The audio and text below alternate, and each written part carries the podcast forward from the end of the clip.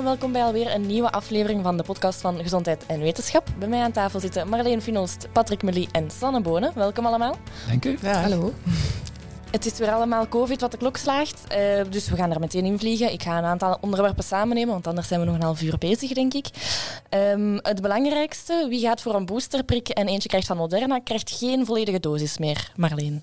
Ja, dat is nogal belangrijk. Ik denk dat ik per ongeluk een volledige dosis heb gehad. Oei, ik heb het gevoeld. Maar uh, inderdaad, Moderna heeft zelf een onderzoek gedaan om te kijken of een als, boers, als boosterinjectie of dat een uh, halve dosis zou volstaan. Maar misschien moet je eerst even uitleggen wat een boosterinjectie is. Dus je hebt eerst een, uw, norm, uw volledige vaccinatie, uw basisvaccinatie. Dat zijn meestal twee prikken, tenzij voor Janssen is het maar één prik. En men geeft een booster uh, om de immuniteit nog eens op extra aan te zwingen. Dat doet men bijvoorbeeld ook voor hepatitis B-vaccinatie. Dus ook voor COVID-booster, een boosterinjectie. En dat, is, uh, en dat gaan we nu allemaal doen met uh, Moderna. Dus iedereen krijgt een booster van Moderna en daarvoor volstaat een halve dosis. Want Moderna heeft dat zelf nagekeken en gezien dat dat eigenlijk even efficiënt is als booster wel, uh, om een halve dosis te geven. En het belangrijke voordeel is minder nevenwerkingen minder nevenwerking. Je hebt een halve dosis gekregen, Sam? Ja, ik, ik, denk het wel, want het viel eigenlijk wel goed mee deze ja. keer. Ja, dus ja, dat is wel fijn, hè, dat dat toch wat minder nevenwerkingen geeft uh, dan een uh, volledige prik. Nou ja, halve dosis is even efficiënt. Oké, okay. en voor Pfizer krijg je daar een halve dosis? Maar we gaan het alleen nog Moderna geven, meen ik, hè? Ah, ja. ja. want ja. inderdaad, ik was uitgenodigd voor Pfizer, uh, maar het was allemaal Moderna in het vaccinatiecentrum. Ja, er is dus, voldoende uh, voorraad van ja. en een halve dosis volstaat. Dat scheelt ook natuurlijk wel. Komt er dubbel zoveel mensen vaccineren. Geen idee wat de prijzen zijn van uh, oh, de vaccins, maar dat, dat weten we niet. Maar dat zal mogelijk ook wel meespelen daarin, wie weet. Hm. Ik denk niet dat Pfizer onderzocht heeft of een halve dosis volstaat. Nee, het is daarmee dat ze het niet kunnen aanbieden. Hè? Nee. Als het niet onderzocht is, dan... Nee, uh, voilà. Oké, uh, tot deze week gingen de cijfers ook in stijgende lijn, de besmettingscijfers bedoel ik dan. Uh, wilt dat zeggen dat de vaccins niet goed werken? Uh, nee, nee, absoluut niet. Dat, uh, dat zou je dan kunnen denken, hè, van oei, oei, uh, iedereen wordt hier ineens ziek en we zijn allemaal gevaccineerd en toch krijgen we allemaal covid en, en wat is dat hier eigenlijk? maar ehm, dat, dat is eigenlijk kunnen daar heel geruststellend in zijn. Um, het feit dat heel veel mensen COVID-positief testen en, en soms ook wel milde klachten krijgen, of toch wel eens een, een, een, een iets stevigere griep, um, dat is eigenlijk heel normaal. Omdat uh, er zijn een aantal redenen voor waarom dat uh, zo circuleert. En de belangrijkste reden is uh, het feit dat we met de Delta-variant van het virus zitten en dat die meer dan dubbel zo besmettelijk is. Um, dus dat, dus ja, het virus circuleert meer. Hè. Ja. Circuleert veel meer, zeker bij, ja, bij kinderen. Hè. Die zijn niet gevaccineerd uh, tot op dit moment. Dus wanneer het meer circuleert en die hebben contacten natuurlijk met hun ouders en grootouders, dan krijg je meer besmettingen. Meer circulatie, meer uh, besmettingen en dus hier en daar ook wel een milde, milde klachten. En natuurlijk de niet gevaccineerde groep, dat zijn er toch ook nog ja, een goede 10% denk ik, hè, die niet gevaccineerd zijn van de volwassenen. Ja, ja.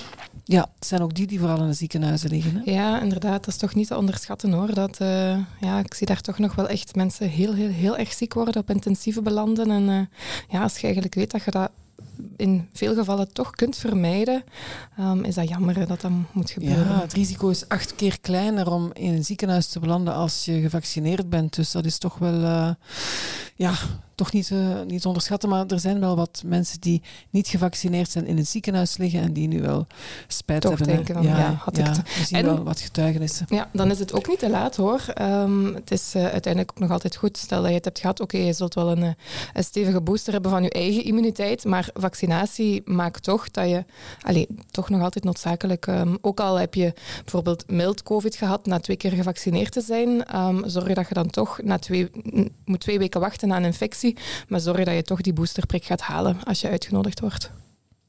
En hoe, hoe komt het dan dat je toch nog, je bent twee keer gevaccineerd geweest, soms al een boosterprik, en dan word je toch nog besmet? Hoe komt dat? Wel, dat komt, het heeft ook een aantal redenen. Ehm, wat er gebeurt met vaccinatie is dat je um, antistoffen gaat aanmaken, um, waardoor dat als je, als je in aanraking komt met het virus, dat je lichaam uh, die antistoffen het, het, virus herkennen en dus snel een, een afweerreactie gaan opstarten. Maar wat we zien na het doormaken van een infectie of na vaccinatie, dalen die antistoffen weer en komt het immuunsysteem wat trager op gang, iets trager als onmiddellijk na vaccinatie of onmiddellijk na een infectie.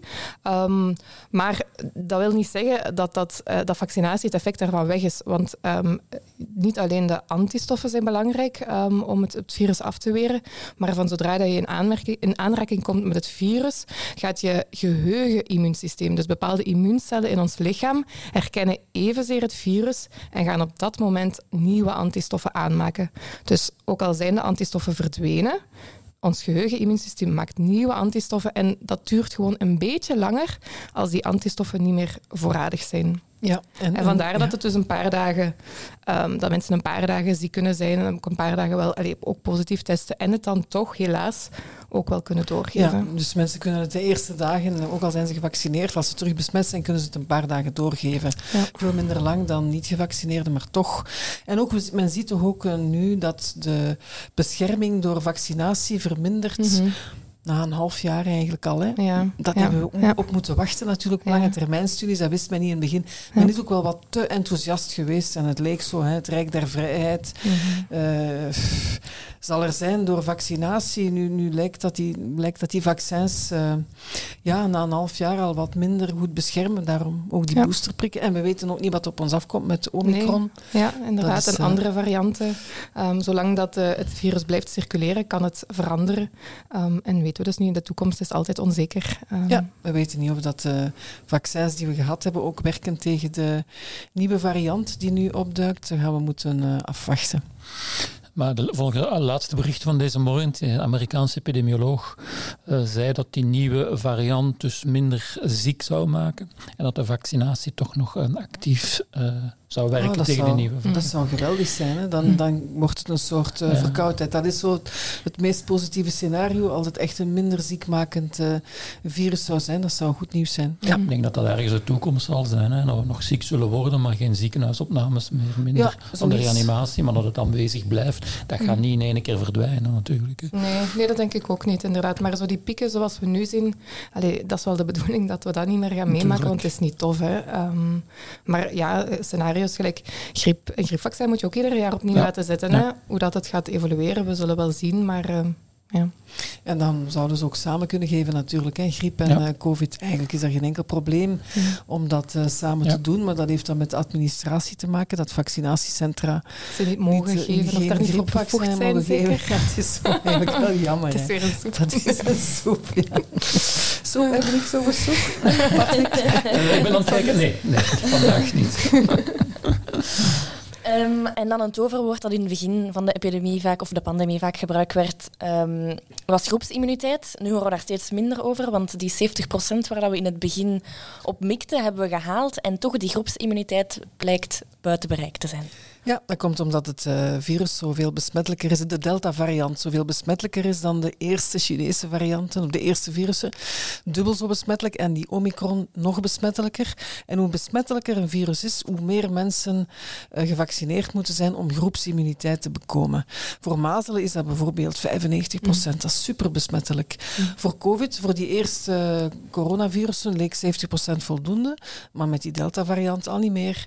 Dus dat is heel vervelend, die communicatie uh, is heel moeilijk. Hè. Mensen geloven minder en minder wat de overheid vertelt. Maar het is natuurlijk voortschrijdend inzicht. Ja. Maar toch, hè, je voelt ja, weerstand dat mensen zeggen, ja, dit klopt hier aan geen kanten meer. Hè. Maar aan de andere kant voelen de mensen toch ook wel van dat vaccinatie wel zijn effect heeft. In de zin, mensen hebben misschien ook wel wat minder schrik om het te krijgen, omdat ze in de omgeving ook wel zien dat de meeste mensen maar mild ziek zijn. Um, dus dat is aan de andere kant dan wel weer positief. Um, ja, misschien hebben ze dan ook wat meer contacten, omdat ze denken, ik ben toch gevaccineerd. Dus ja, maar het, uh, ja. helaas kun je het dus toch nog doorgeven. En ik denk dat dat qua groepsimmuniteit ook een belangrijke is. In principe, um, voor groepsimmuniteit ga je ervan uit dat, dat ehm, als je een, een hele groep vaccineert, dat de mensen die gevaccineerd zijn het ook effectief niet meer doorgeven. En dat je een soort schild vormt van allemaal gevaccineerde mensen rond mensen die bijvoorbeeld niet gevaccineerd kunnen worden. Maar als dat schild niet zo goed is, dus als die gevaccineerde mensen het toch nog kunnen doorgeven, ja, dan, dan schort er al iets aan het hele idee rond groepsimmuniteit ook. Plus die groepsimmuniteit zou dan ook tijdelijk zijn. Ja, ja inderdaad. Als Zoals u, bij de vaccinatie, na zes maanden vermindert het. Ja, ja. Ja, en dat is helemaal anders dan bij, bij mazelen bijvoorbeeld. Hè. Mazelen, um, dan, als je het mazelenvaccin hebt gehad, ga je het ook echt niet meer doorgeven. Je wordt niet meer ziek, je krijgt geen mazelen meer en je gaat het niet meer doorgeven. En bij COVID is dat dus een heel ander verhaal. Ja, inderdaad. En ma mazelenvaccinatie uh, wordt, zit ook in het basisvaccinatieschema voor kinderen. Dat is makkelijker om veel kinderen te vaccineren. En 95% in België is gevaccineerd tegen mazelen. Daar wordt, dat is niet echt een punt. Alleen in sommige andere landen was dat wel een punt voor de pandemie uitbrak. Maar volwassenen vaccineren en overtuigen, dat is nog een ander paar mhm. mouwen. Dat hebben we gezien. Hè. Dat is heel lastig. En ja, nu ligt de vraag op tafel: uh, verplichten, de vaccinatie verplichten of niet voor het zorgpersoneel? Is het al uh, verplicht? Zij moeten allemaal tegen 1 april 2022 gevaccineerd zijn, anders verliezen ze hun job. Of, daar was zo'n dubbele oplossing voor, hè, met uh, Belgische oplossing. Werkloosheidsuitkering of tijdelijk, ik weet het niet meer hoe. Hoe dan ook, maar mogen ze niet meer werken in de zorg. Het probleem is nu dat dat een aantal van die zorgverleners die niet gevaccineerd zijn, zeggen dan stop ik ook in de zorg. Dat is moeilijk, hè, want we hebben al zoveel mensen tekort. Dus we moeten ze toch proberen te overtuigen. Maar we merken ook hè, bij gezondheid en wetenschap dat het uh, mensen uh, bitsiger worden tegenover alles wat van uit de wetenschap komt of uit de experten. Laat staan uit de overheid. Ja, men, men, men gaat er minder en minder geloof aan hechten. Het wordt moeilijker om mensen te overtuigen. Ja, ik denk dat we de twijfelaars al mee hebben. Het is die harde kern van weigeraars, ja, die kun je niet ompraten, denk ik. Heel moeilijk, hè? Ja. Um, een iets vrolijker onderwerp misschien, om verder te gaan. Gelukkig is er ook nog ander nieuws. Um, zonnebloemolie. je zou het niet meer denken. Um, zonnebloemolie, wanneer je dat opwarmt, Patrick, wordt dat dan ongezond? Ja, maar dat is, dat is een oud verhaal. En dat is een verhaal dat eigenlijk vooral veel voorkomt in commerciële diëten. Die zich een beetje willen afzetten ten opzichte van de officiële aanbeveling. De officiële aanbeveling zegt dat zonnebloemolie gezond is. En de commerciële diëten zeggen, ah nee, dat is niet goed. Als je dat opwarmt, ontstaan er afbraakproducten. je moet dus kokosvet gaan gebruiken en zo verder en zo verder. Nu, om het probleem te situeren, de vetten in de voeding. Je hebt verzadigde vetten. En verzadigde vetten, dan vind je dat bijvoorbeeld terug in volle melk en melkproducten, charcuterie en zo verder. En die verzadigde vetten zouden eigenlijk niet zo goed zijn voor hart- en vaatziekten. En dan de onverzadigde vetten, onder andere in zonnebloemolie, die zijn dan wel goed uh, om u te beschermen tegen hart- en vaatziekten. Maar inderdaad, als je die gaat opwarmen, zijn die minder stabiel dan bijvoorbeeld de verzadigde vetten. En vandaar komt heel het verhaal van, ja kijk, als je die opwarmt en je gaat daar met het labo, je laat het labo daarop los, dan gaat je daar van alle producten in vinden die daar eigenlijk ontstaan zijn tijdens het opwarmen. Maar er is eigenlijk geen enkel studie die zegt van mensen die dat opwarmen, zonnebloemolie, dat die minder lang leven, dat die vlugger kanker hebben, dat die eender welke andere ziekten hebben. Men vindt dat wel in een labo en als je in een labo gaat zoeken, ga je zeer veel vinden in veel producten.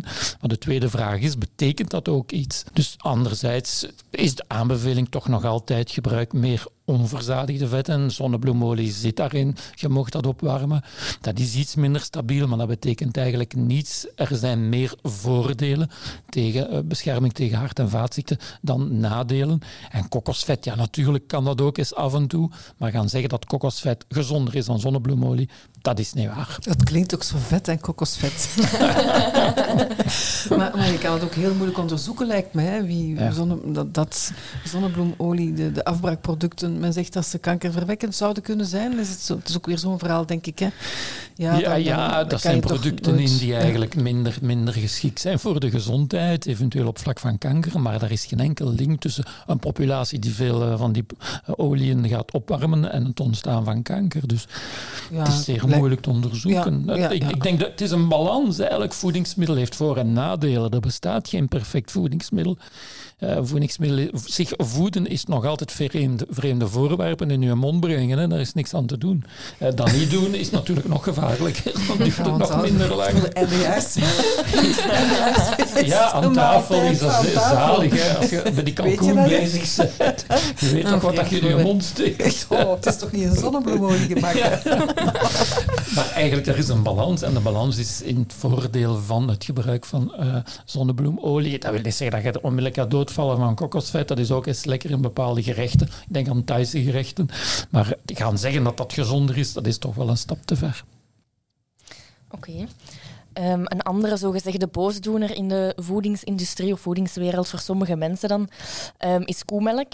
Ehm, een bepaald bedrijf heeft daar een oplossing op gevonden. Ze hebben erwtenmelk gemaakt. Haha, echte melk. Ja, zijn opgepast. Mensen opgepast, want we gaan klachten hebben van de lobby, de melklobby. Het is geen erwtenmelk, maar erwtendrank.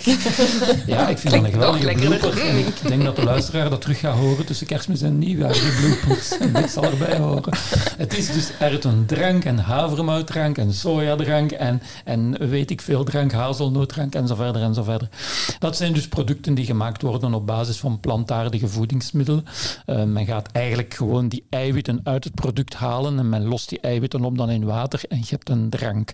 Melk mocht je dus niet gebruiken. Melk is eigenlijk voorbestemd aan het product van eh, zoogdieren. Ik denk dus in dit geval aan de koe meestal, maar er zijn ook andere melksoorten die wij drinken. Paardenmelk bijvoorbeeld wordt ook soms eh, gedronken.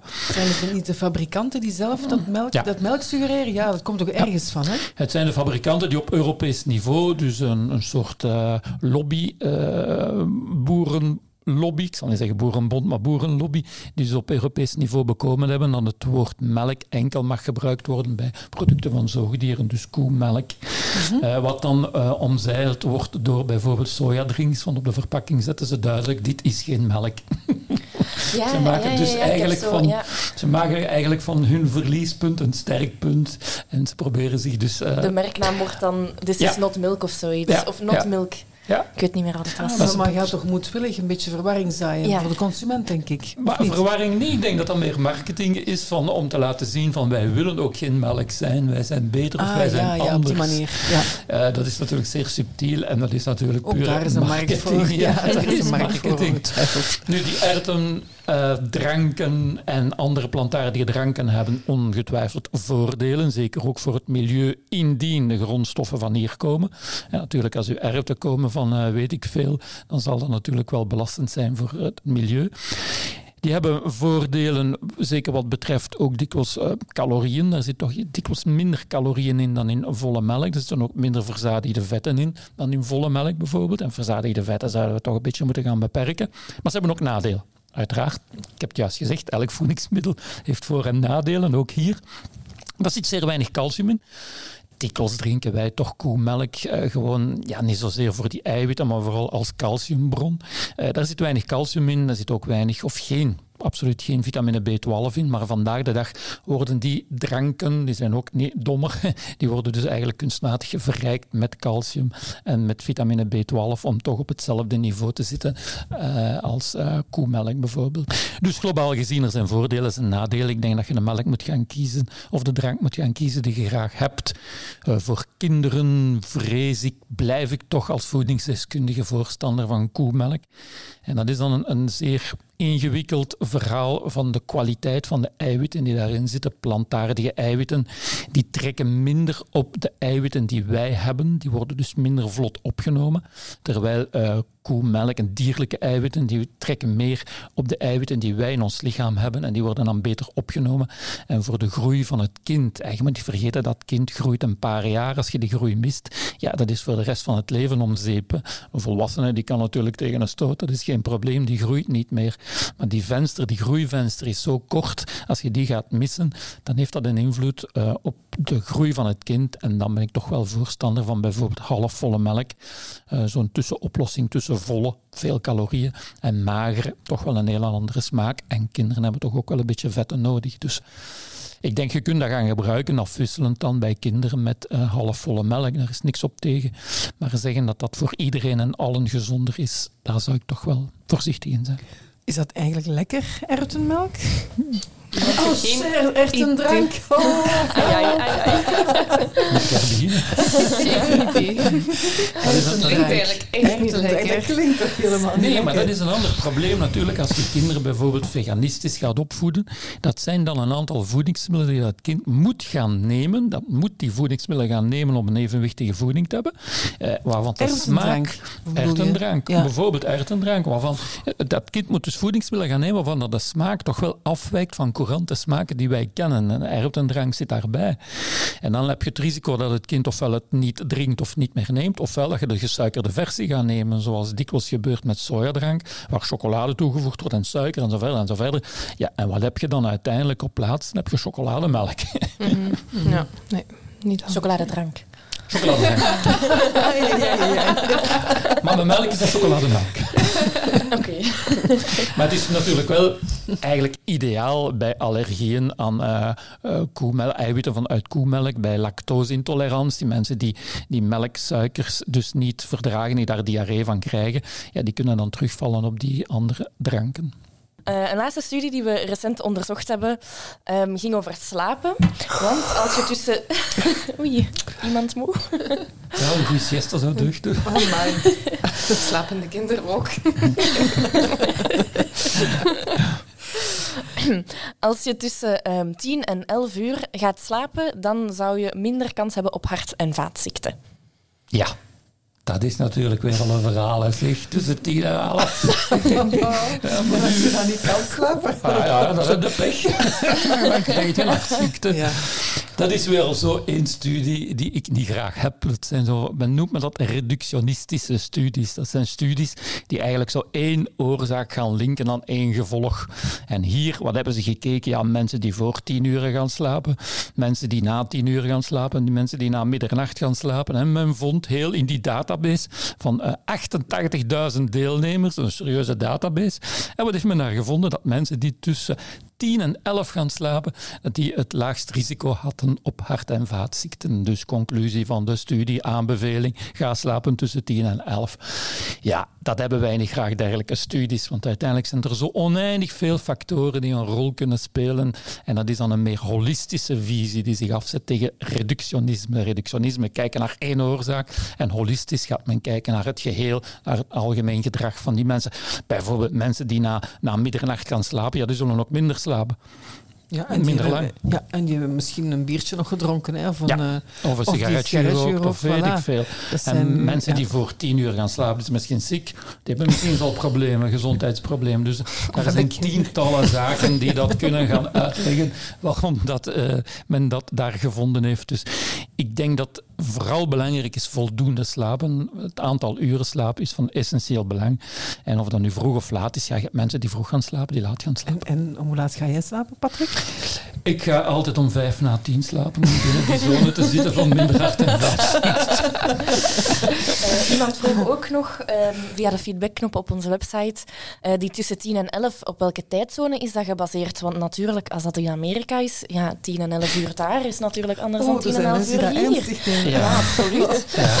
Maar, wel, moest dat in Nieuw-Zeeland zijn, dan moet je natuurlijk smiddags op het werk gaan slapen. Maar het was een Britse studie, dus het zal Greenwich Times En we mogen die tijd dan aanpassen naar, afhankelijk van in welke tijd Ja, maar niet te veel, maar een uur. Hè? Ja.